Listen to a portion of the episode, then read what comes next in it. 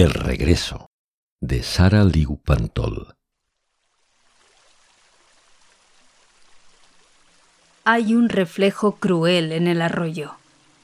Es el rostro del que aún no ha saciado su sed porque primero prefiere lavarse las heridas, quitarse las costras mugrientas y la sangre seca, propia y ajena, de las que está cubierto.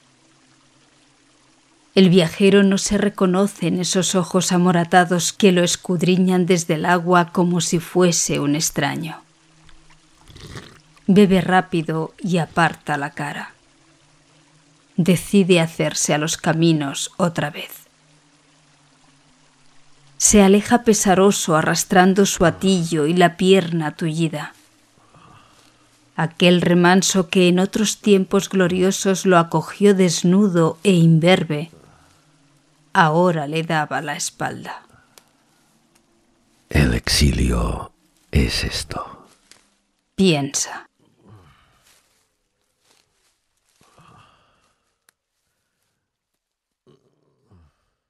Relato ganador del concurso de microrelatos de la Biblioteca Estebo Palutzí de Barberà del Vallès de febrero de 2021.